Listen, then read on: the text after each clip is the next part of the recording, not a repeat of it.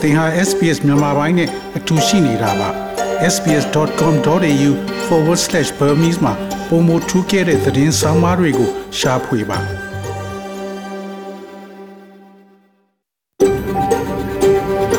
SBS A world of difference You're with SBS Burmese on mobile, online and on radio mobile online နဲ့ radio ပေါ်မှာသင်ဟာ SPS မြန်မာပိုင်းနဲ့အ တူရှိနေတာဖြစ်ပါတယ်သောတာရှင်များကျက်သိမင်္ဂလာဖျားဖျားနဲ့ပြည့်စုံတော်မူကြပါစားခင်ဗျာယနေ့မတ်လ26ရက်စနေနေ့မြန်မာပိုင်းစီစဉ်များကို SBS Radio မှစတင်တန်လှည့်နေပါရခင်ဗျာဒီနေ့အစီအစဉ်များကိုကျွန်တော်ကြော်ထွန်အောင်ခေါ် Terrell အောင်ကတင်ဆက်သွားမှာဖြစ်ပြီးယနေ့ပါဝင်မဲ့အစီအစဉ်တွေကတော့ရိုဟင်ဂျာလူနည်းစုများပေါ် မြန်မာစစ်အစိုးရကလူမျိုးတုံးတပ်ဖြတ်တယ်လို့ American ကဆွဆွဲဆိုတဲ့ဆောင်းပါးလောင်စာစီများမြင့်တက်လာခြင်းသည်အခွန်လျှော့ချရန်အစိုးရကို တောင်းဆိုနေတဲ့ဆိုတဲ့ဆောင်းပါးသေနိုင်တဲ့ကင်ဆာကိုသွေးစစ်မှုအသစ်ကကြိုတင်ဖော်ထုတ်ပေးနိုင်တဲ့ဆိုတဲ့ဆောင်းပါးနဲ့တန်ရွင်ခက်ကပေးပို့ထားတဲ့အိမ်ပြန်ချိန်ဝေးနေစေရာချီနေရဲ့များဆိုတဲ့ဆောင်းပါးတို့ဖြစ်ပြီးဒီနေ့ခေါင်းကြီးပိုင်းသတင်းတွေကတော့ Australian သတင်းထောက်တရုတ်ပြည်မှာတရားရုံးရင်ဆိုင်ရမြန်မာထောင်တွင်အကြမ်းဖက်မှုတွေစစ်ဆေးပေးရန် ICRC ကတောင်းဆိုယူကရိန်းဒုက္ခသည်တသိန်းကိုအမေရိကန်ကလက်ခံမည်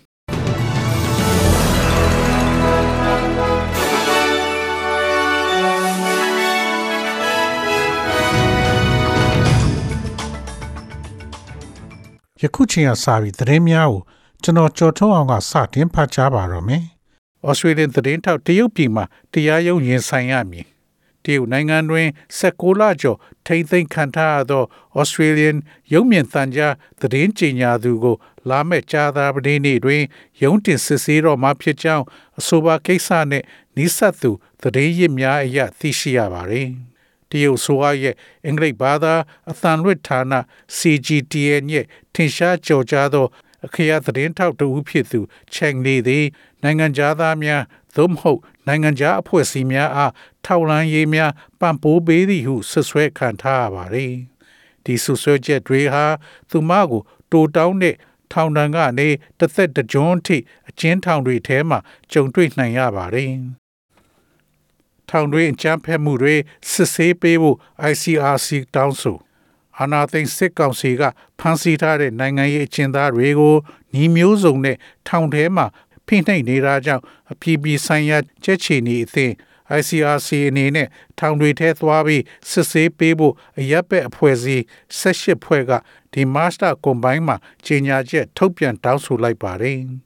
ဖန်စီခံထားသူတွေဟာထောင်ထဲမှာလူမဆန်းစွာနှိပ်စက်ခံရတဲ့အပြင်လိမ်မိုင်းဆိုင်ရာစော်ကားမှုတွေပါခံနေရတယ်လို့အမှုလိုက်ရှေ့နေတွေနဲ့ထောင်ထဲကပြန်လွတ်လာသူတွေရဲ့ပြောကြားချက်တွေကိုကိုးကားပြီးပြောဆိုထားပါတယ်။ ဖန်စီခံထားရတဲ့မန္တလေးသပိတ်ခေါင်းဆောင်တူဖြစ်တဲ့ကိုမြတ်သူဟာစိုးအိုထဲကိုဝါလုံးထိုးသွင်းခံရတဲ့အထိစစ်ကြောရေးမှာလိမ်ပိုင်းဆိုင်ရာအချမ်းဖက်နှိပ်စက်ခံခဲ့ရတယ်လို့ဗမာနိုင်ငံလုံးဆိုင်ရာចောင်းသားသမဂ္ဂကပြီးခဲ့တဲ့ January လထဲမှာထုတ်ပြန်ထားပါတယ်။ အာနာသိမ့်ပြီးနောက်ဖန်စီခံထားရပြီးလွန်ငင်းချမ်းသာခွင့်နဲ့လွတ်လာသူအများစုကလည်းစစ်ကြောရေးမှာထောင်ထဲမှာနှိပ်စက်ခံထားရတယ်လို့မီဒီယာတွေမှာပြောဆိုထားကြပါတယ်။လောလောဆယ်ဒီမတ်တာ15ရက်နေ့ကလည်းဖန်စီခံထားရသူ9ယောက်ကို ထောင်အာဏာပိုင်တွေကပြစ်သတ်လိုက်ပါတယ်။ယူကရိန်းဒုက္ခသည်တသိန်းကိုအမေရိကန်လက်ခံပြီး ရုရှားရဲ့ကျူးကျော်တိုက်ခိုက်မှုကြောင့်ယူကရိန်းကထွက်ပြေးလာသူတွေနဲ့ယူကရိန်းနိုင်ငံသားတွေတသိန်းလောက်ကိုအမေရိကန်ပြည်ထောင်စုကလက်ခံမဲ့အကြောင်းသမရအိမ်ဖြူတော်ကကြာသပတေးနေ့မှာပဲကြေညာလိုက်ပါတယ်။ယူကရိန်းမှာရုရှားကျူးကျော်စစ်ကြောင့်ဒုက္ခရောက်သူတွေအတွက်လူသားချင်းစာနာမှုအကူအညီပေးမဲ့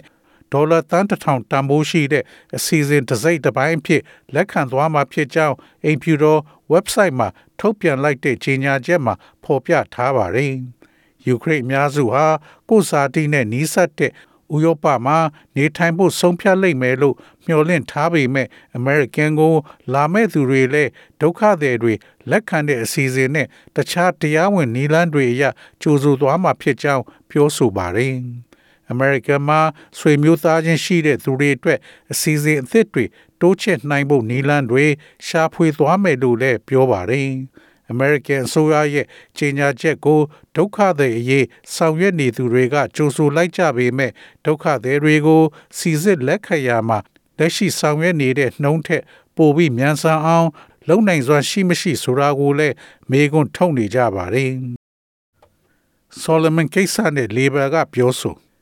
coalition အစိုးရအဖွဲ့မှနိုင်ငံခြားအကူအညီများဖျက်တောက်ခြင်းသည်တရုတ်နိုင်ငံသည် Solomon ကျွန်းစုတွင်စစ်အင်အားတိုးမြင့်လာစေမဲ့လုံခြုံရေးသဘောတူညီချက်အသစ်အတွက်တစိမ့်တစ်ပိုင်းအပြစ်ရှိတယ်လို့ Labor ကပြောဆိုပါတယ်။ပေါက်ကြားလာသော စာရွက်စာတမ်းမူကြမ်းသည်အဆိုပါစာချုပ်တွင်တရုတ်သင်္ဘောများကို Pacific ဒေသတွင်ထားရှိသွားမှာဖြစ်ပြီး Australia ကမ်းရိုးတန်းမှကီလိုမီတာ2000ထက်နည်းသော ရေတပ်အခြေစိုက်စခန်းတစ်ခုရှိဖို့ကြံပြုထားပါတယ်။ဖွံ့ဖြိုးတိုးတက်ရေးဆိုင်ရာအမျိုးသားလုံခြုံရေးအေဂျင်စီများမှတင်းနှင်းလာနေတွင် ရှင်းရှင်းလင်းလင်းတင်ပြမှာဖြစ်ကြောင်း Labor ခေါင်းဆောင် Anthony Albanese ကပြောကြားပါတယ်။ Mr. Albanese က ဒါဟာတကယ်စိုးရိမ်စရာပဲဟုဆိုပါတယ်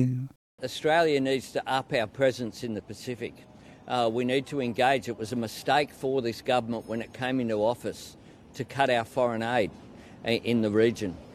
And uh, we need to recognise that it is in Australia's national interest. Australia to သည် have a- a Pacific strong ဒေသတွင် presence ကျွန်ုပ် in the တို့ region. တည်ရှိမှုကိုမြင့်တင်ရန်လိုအပ်ပါတယ်ကျွန်တော်တို့ထိတွေ့ဆက်ဆံဖို့လိုအပ်ပါတယ်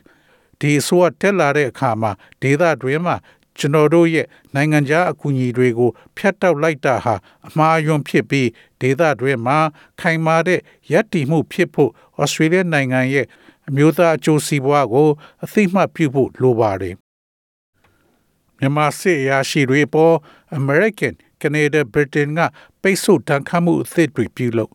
မြန်မာနိုင်ငံမှာစစ်တပ်ရဲ့ရက်ဆက်ကြမ်းကြုတ်တဲ့လုပ်ရပ်တွေပေါ်တုံ့ပြန်တဲ့အနေနဲ့ American, Canada, Britain တို့ကနောက်ထပ်အရေးယူတန်ခတ်မှုတွေကိုကြေညာလိုက်ပါတယ်။မတ်လ29ရက်နေ့မှာကြာရောက်မဲ့တမတော်နေနဲ့တိုက်ဆိုင်ပြီးပြီးခဲ့တဲ့နှစ်ဒီလိုအချိန်မှာပဲစစ်အာဏာသိမ်းမှုကိုစန့်ကျင်ဆန္ဒပြတဲ့အယက်သားပြည်သူတွေကို သွေးထွက်တန်ယုံနှိမ်နင်းခဲ့တဲ့နှစ်ပတ်လည်ဖြစ်နေလေဒဏ်ခတ်မှုတွေကိုကြေညာလိုက်တာဖြစ်ပါတယ်။ရက်ဆက်ကြမ်းကြုတ်မှုတွေနဲ့ဖိနှိပ်မှုတွေဟာမြန်မာစစ်အာဏာပိုင်တွေရဲ့အုပ်ချုပ်မှုသင်္ကေတတွေလိုဖြစ်လာနေတယ်လို့လည်းတန်ခတ်မှုတွေကိုကြေညာရမှာ American ဘဏ္ဍာရေးဝန်ကြီးဌာနလက်ထောက်ဝန်ကြီး Brian Nelson ကပြောဆိုပါတယ်။တန်ခတ်လိုက်တဲ့စီးရင်ထဲမှာ2021ခုနှစ်ဒီဇင်ဘာလမှာ အရှင်လက်လက်မီးရှို့သတ်တာအပါအဝင် အစုအပြုံလိုက်သတ်ဖြတ်မှုမှာတာဝန်ရှိတယ်လို့ဆွဆွဲထားတဲ့တမ66အပြင်အလဲပိုင်းစစ်ဌာနချုပ်တိုင်းမှုဗိုလ်မှူးချုပ်ကိုကိုဦးနေပြည်တော်တိုင်းမှုဗိုလ်ချုပ်ဇော်ဟိန်းတို့လည်းပါဝင်ပါတယ် SBS SBS SBS SBS SBS This is SBS Radio. ဝီလဲနှုံမှာတော့ Australian dollar ကိုမြန်မာကျပ်ငွေ1334ကျပ်ရရှိပြီး American dollar ကိုမြန်မာကျပ်ငွေ1986ကျပ်ရရှိပါတယ်။ Australian dollar ဟာ American 85 cent နဲ့ညီမျှပါတယ်။မနေ့ဖြန် Australia တိုက်မှာရှိတဲ့မြို့ကြီးများရဲ့မိုးလေဝသခန့်မှန်းချက်ကတော့ဆစ်ဒနီမြို့မှာအပူချိန်24 degree centigrade ရှိမှဖြစ်ပြီးမိုးရွာသွန်းမှာဖြစ်ပါတယ်။ Melbourne မြို့မှာအပူချိန်24 degree centigrade ရှိမှဖြစ်ပြီးများသောအားဖြင့်နေသားမှာဖြစ်ပါတယ်။ Brisbane မြို့မှာအပူချိန်26 degree centigrade ရှိမှဖြစ်ပြီးမိုးရွာသွန်းမှာဖြစ်ပါတယ်။ Perth မြို့မှာအပူချိန်30 degree centigrade ရှိမှဖြစ်ပြီးမိုးရွာသွန်းမှာဖြစ်ပါတယ်။ Adelaide မြို့မှာအပူချိန်28 degree centigrade ရှိမှဖြစ်ပြီးနေသားမှာဖြစ်ပါတယ်။ Hobart မြို့မှာအပူချိန်23 degree centigrade ရှိမှဖြစ်ပြီးနေသားမှာဖြစ်ပါတယ်။ Canberra မြို့မှာအပူချိန်22 degree centigrade ရှိမှဖြစ်ပြီးမိုးတိမ်သားများအနည်းငယ်ရှိမှဖြစ်ပါတယ်။ Darwin မြို့မှာအပူချိန်33 degree centigrade ရှိမှဖြစ်ပြီးမိုးတစ်ဖြောက်နှစ်ဖြောက်ရွာသွန်းနိုင်ပါတယ်။ဤတွင်သတင်းများကိုကြီးညာလို့ပြီးပါပြီခင်ဗျာ။။